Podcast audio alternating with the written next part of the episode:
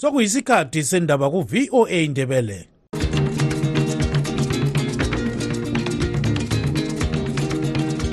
amatshono zihlobo siyalamukela kuhlelo lwethu lwezindaba eziphathelane lezimbabwe. Kustudio 7 eya voice of america sisakaza sisewashington dc olamukela kustudio 7 ngesonto mhla ka-25 kunhlolanja 2024 ngugibbs dube endabeni zethu lamhlanje abantu basemathebeleland e, ithemba labo selisemaqenjini aqhamuka eharare abasenalo ithemba ezintweni zabo athulezwi amanye amabandla aphikisayo ngokwenzakala kwelezimbabwe ngesikhathi le-ccc kanye le-blue movement ayiwo wodwa abonakala ebantwini loba ubaba unkomo engathatha inyoka ayibukeze ngamafulawuzi ayigaxa amafulawuzi entanyeni lapha. Akusebenzi isala iyinyoka ithwele iphoyisen isikhalazo lesi esikancube kukhomba sobala ukuthi hhayi abanama-supporters bakhathazekile abanye abantu ezimbabwe ngokwenziwa ngamanye amalunga ebandla lezanup f afuna umongameli emerson mnangagwa afele esikhundleni. Salethulela ezabatsha lezokhulu lwesikristu zonke lezi ndaba lezinye lizozizwa kulo msakazo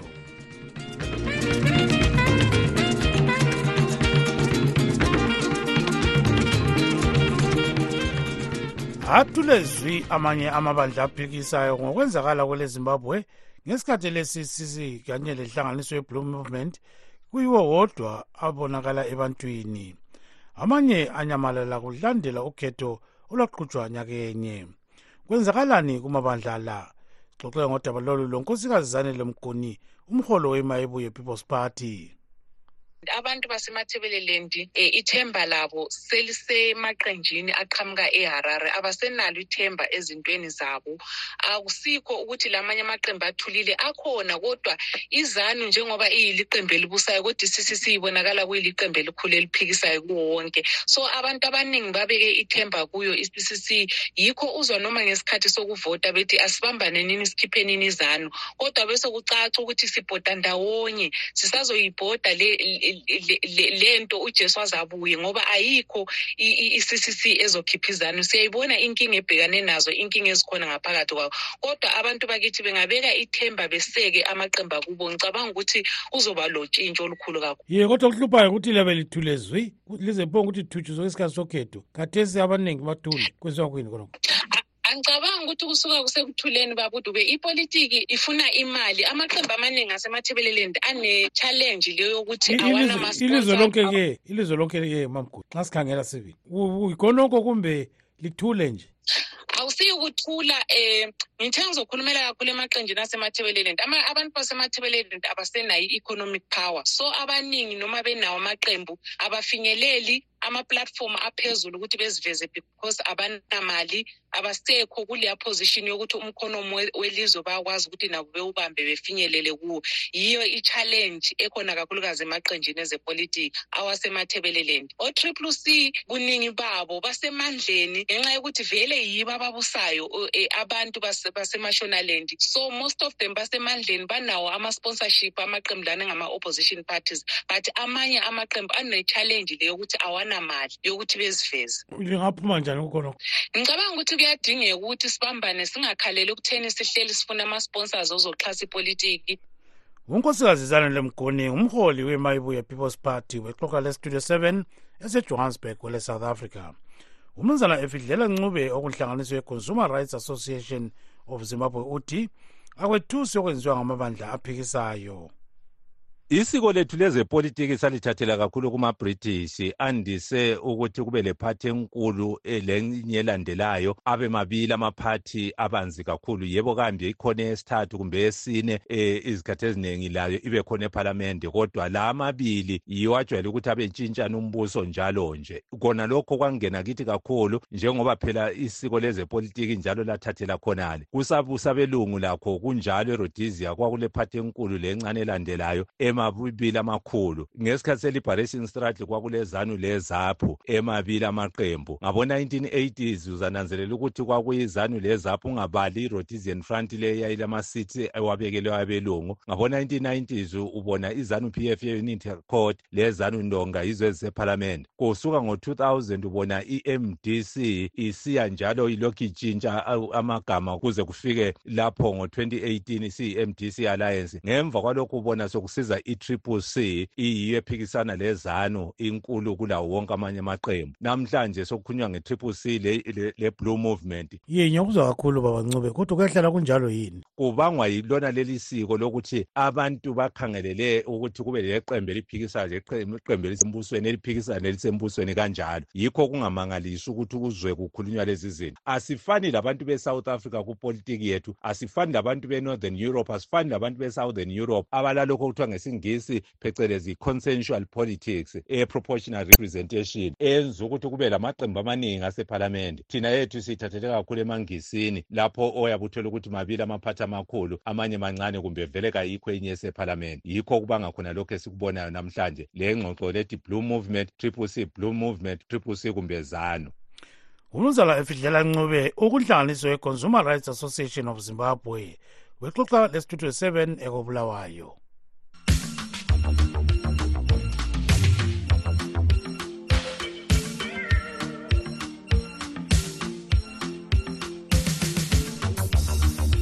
siqhubekela phambili lamhla ngengxoxo esiyenze lo mnumzana malaki nkomo okubandla lezanu p f lo mnumzana nhlanhla moses ncube unobhala jikelele we-freedom alliance.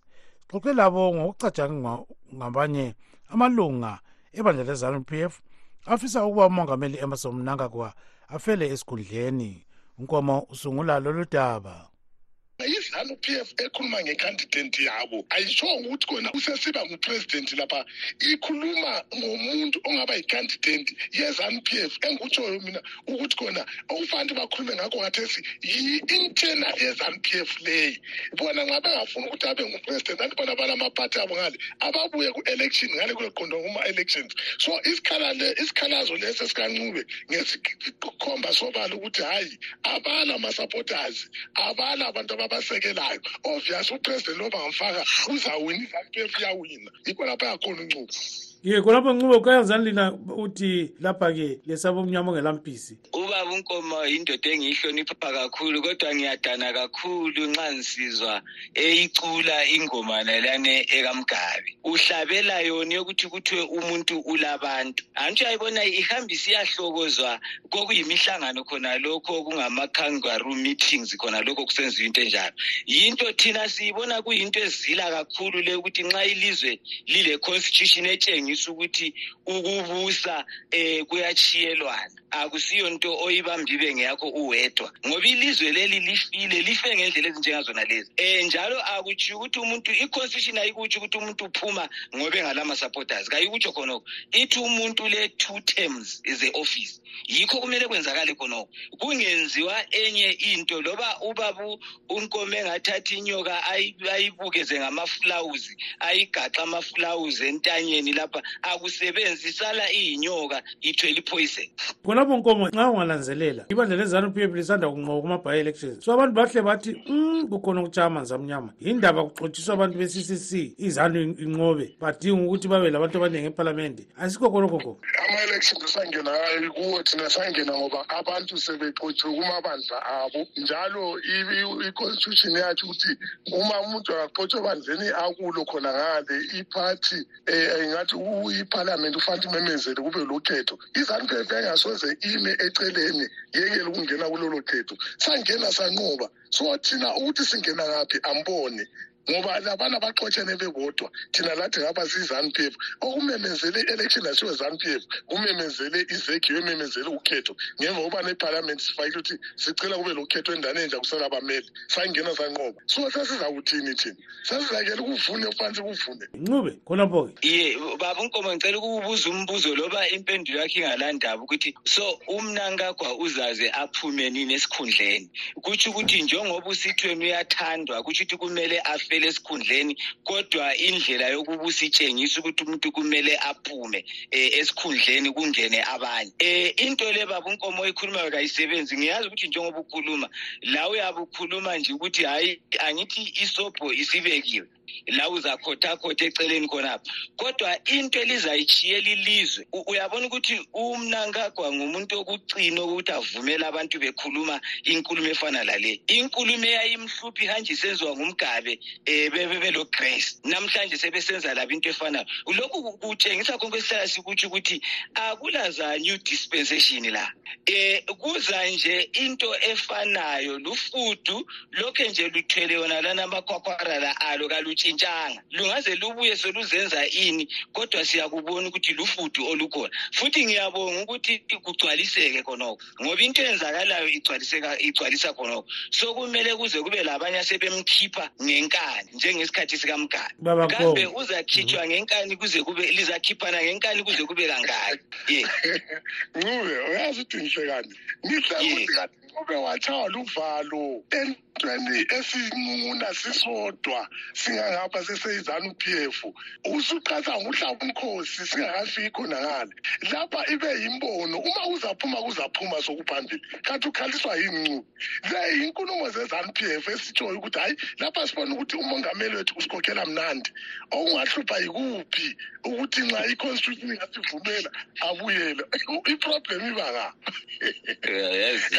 yaziso osokuhluphile ncube kuyini?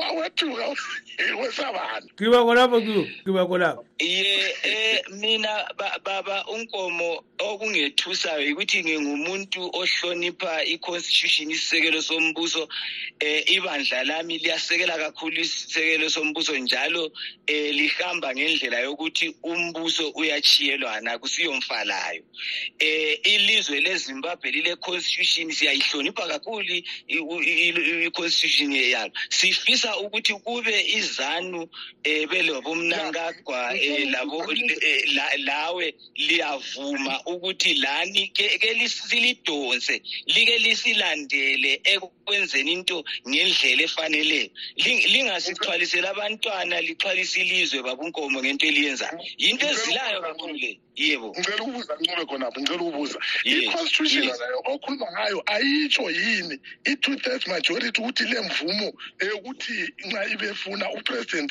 aqhubeke bamngezelela i-constitution ayikutsho yini khonokho? Lapha lizwe umnumzana malaki inkomo webandla lezanu p f lo mnumzana nhlanhla moses ncube unobhala jikelele wenhlanganiso ye-freedom alliance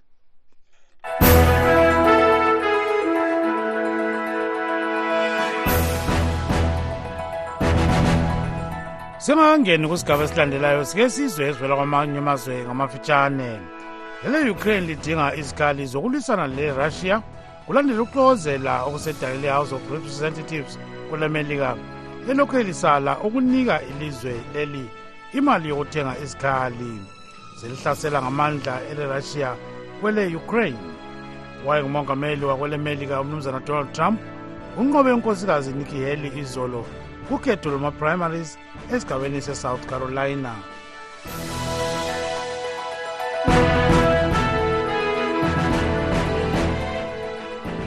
Soke isikhathi sezamasiko. Sigcina amasiko namasiko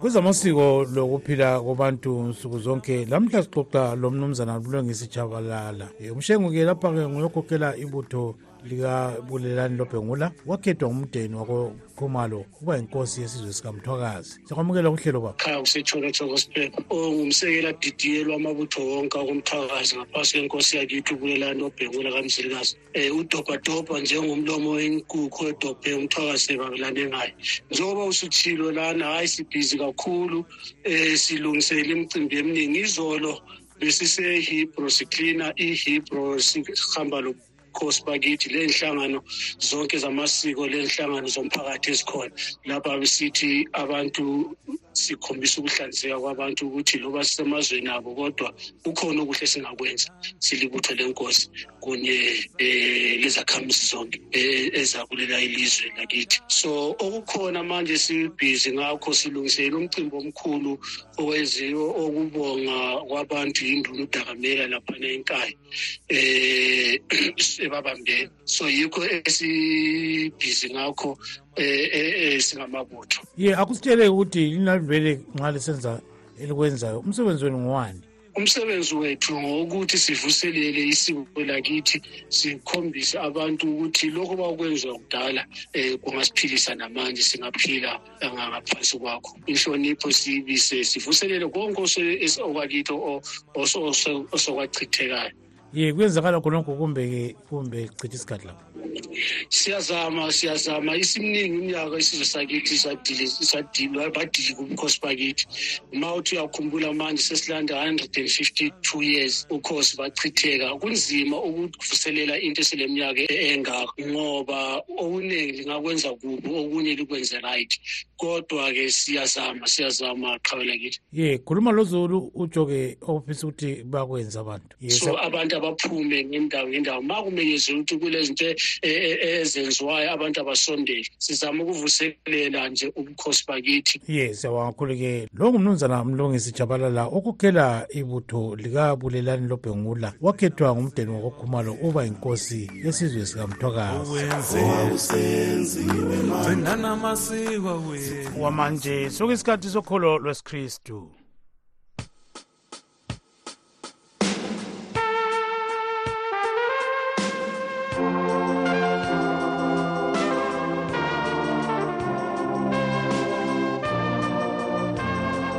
Siyahlangana zihlobo ezithandekayo kuhlelo vuselela umoya. Igama nguntungamili nkumo namhlanje silomfundisi thandeko zintimkandla. Usiphatheleni mfundisi. Ngeviki eledlule sikhangele indaba kaluka chapter 8 verse la-23 lelika-24 sakhuluma ngabafundi behamba lojesu besesikepeni elwandle kwavuka isiphepho ujesu kuthiwa wayelele mhlawumbe wayekhathele um njengoba laye wayelakho ukuba ngumuntu njengathi. Into-ke kuthiwa abafundi-ke bathi kuvesi 24 nkosi nkosi safa. Ilizwe ngelizwe lingafananiswa lomkhumbi oselwandle.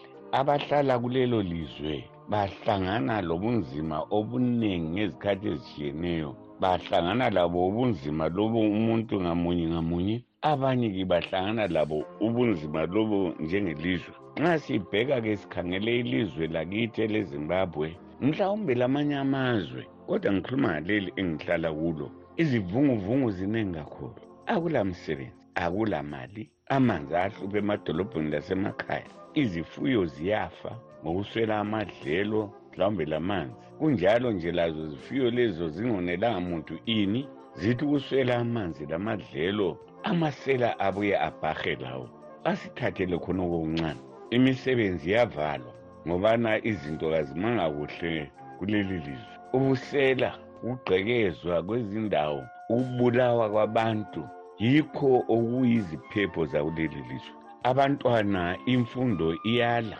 Ngokubana akulazimali zokubabhadalela indleko zesikolo. Kuthi laba ababhadelelweyo labo baqeqesha baqeda imisebenzi ayibonakali. Um kuthi-ke intsha-ke sengitsho labadala abanye ibisidanela entweni mhlawumbe izidakamizwa ezenza abacabanga ukubana kuyakwenza ukubana izivunguvungu lezi zibe ngcono.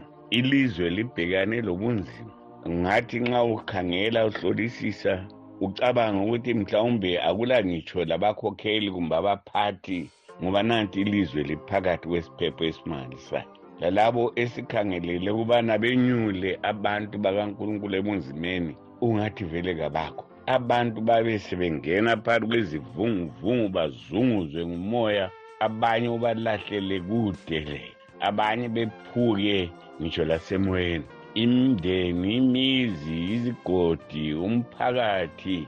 Udinge uswele ukubana uzabamba kukuphi na. Abantu bagcina bengathembani. Abantu begcina besiba lokunyamazana thize ngenxa yokuthi ilizwe liphakathi kwemimoya eminengi njengomkhumbi oselwandle ovunguzwa iziphepho abantu basuke bagijime baye mhlawumbe kwezinye indawo kumbe kwabanye abantu besithi bayadinga usizo lokubana impilo zabo zibe ngcono. Yebo ungahamba uyebona ingabe ngubani nalowo ongumphathi kodwa nxa lowo mphathi evele engamazi unkulunkulu lizacwila lonke. Ungakhangela ingabe ngubani ngusobhuku ngumlisa ngukhansila ngubani. Ophetheyo empilweni zabantu ufolomane usupervisor umnikazi webhizinisi. Lizacwila lonke nxa lingakhalanga kunkulunkulu ngoba ukhala emntwini wenyama kwesinye isikhathi kawusizi ake ume lawe ilizwe isizwe ke sime sikhangele ukubana konakala ngaphi. Ngubani ungasiza lesi sizwe eziphephweni emoyeni le ekhona? Abafundi bakajesu bahlakanipha. Baya kujesu bathi nkosi nkosi safa. Sifiso sami kubana sonke sikhale kunkulunkulu ngeziphepho lezi esihlangana lazo ukuze asisize asikhulekeni nkulunkulu ungavumi ubana ekufeni kwalesi sizwe kuze kufele abantu bakho thulisa iziphepho zakuleli lizwe. Ngojesu ngiyakhuleka. Amen. Lolo bekulohlelo vuselela umoya. Silomfundisi Thandeko Sintimkandla thiyani indlebe kuhlelo lunye ngeviki ezayo. Lilami untungamili nkumo siyabonga kakhulu ntukameli inkomo ungathinelwa kusasa? Sonke isikhathi sezabatsha.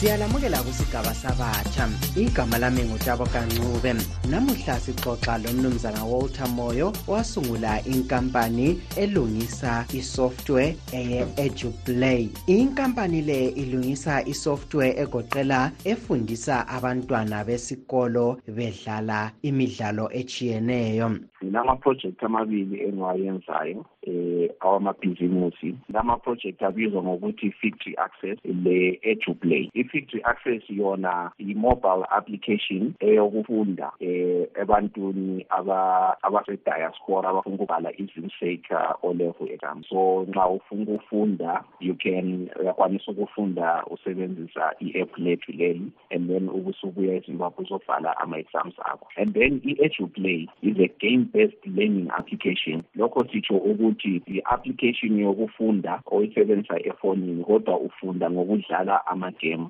So i-eduplay leyi yona siyenzela abafundi abase-primary from ecd kuze kuyefika ku-grade seven. Indaba ze-software development ungani azikaphumeleli kuhle ezimbabwe? Kungaba kule ndubo ohlangana lazo na asitholi amathuba okuthi okwenza imali ngoba amakampani amaningi awabhadali kangako kuleli. Uzathola ukuthi ungaze uqalise inkampani yakho eyokudevelopha i-software for amakhampani amanye ukuthi uthole le msebenzi kunzima ngoba amakhampani eh, awezimbabwe abona kungcono ukuthi ethole eyenzise i-software elungisise i-software yabo kumakhampani angaphandle kwelizwe. Bese kusithiya thina singela amathuba okwenza imali. Okunye njalo futhi yikuthi ungaze wathole la mathuba uzathola ukuthi inhlawulo yakhona incane kakhulu ukwedlula um lokho abakade bengakubhadala amakhampani angaphandle kwelizwe.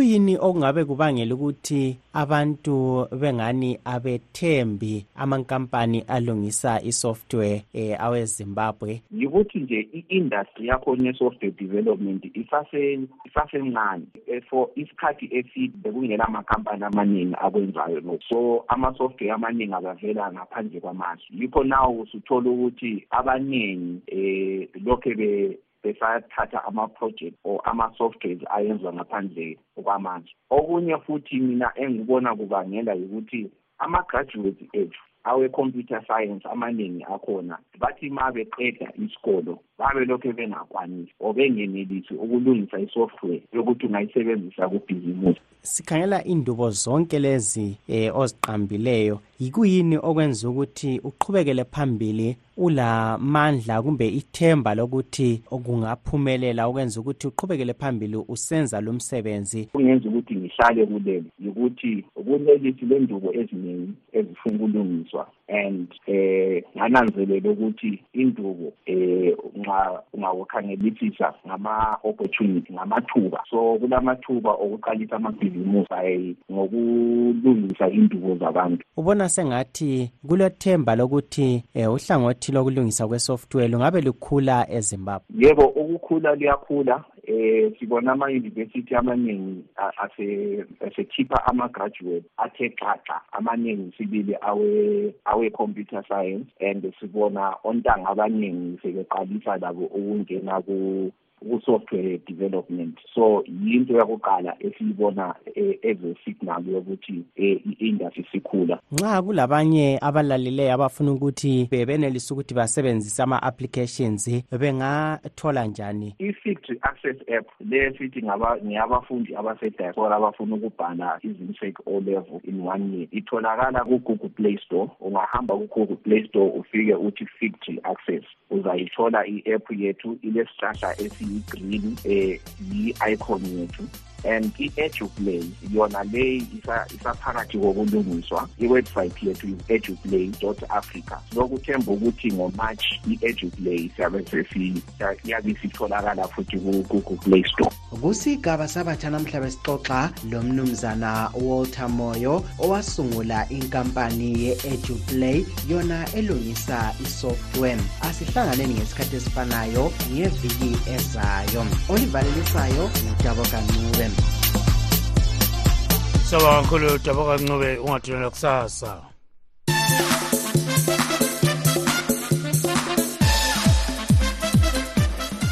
wezemidlalo intatheli indaba yethu yezemidlalo ujoseph njanjiwe.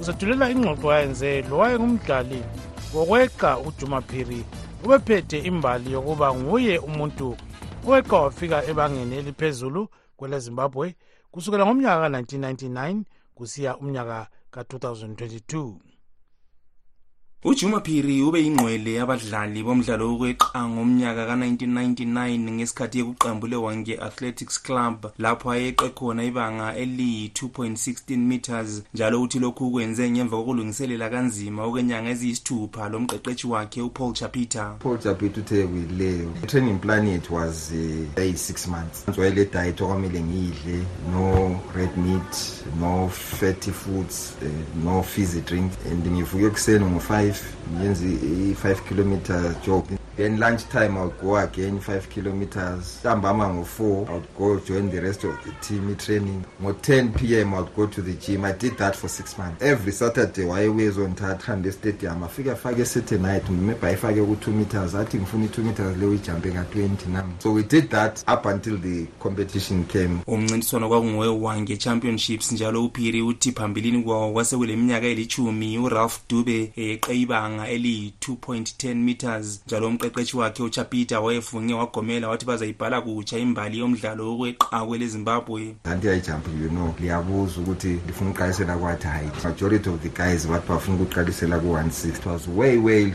too low for me. Wonke they were out by 185 mina ngingaqali ukujampa so mina my first attempt was at 195 i jumped it. 2 meters i jumped it. The national record then was 210 then after jumping 2 meters i opted ukuthi befake ku-215 215 i cleared it with the third attempt and i refused to proceed.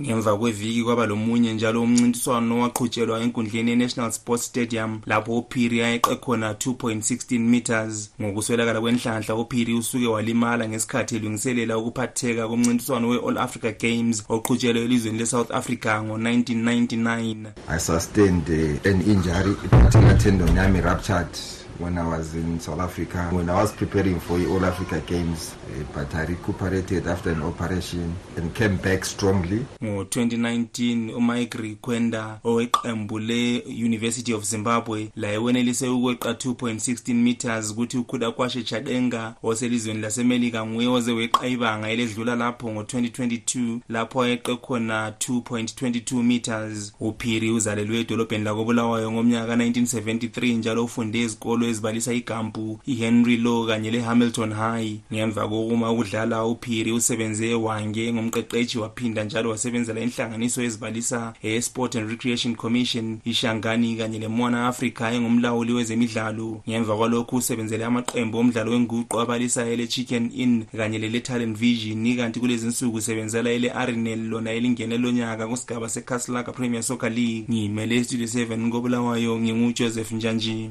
bekulo mcimbi we-national arts merit awards kobulawayo izolo lapho umculi othakazelelwa ngabanye ezimbabwe uwinki d athole icoco se-people's choice awards ujapraiser uthole isicoco se-outstanding album of the year.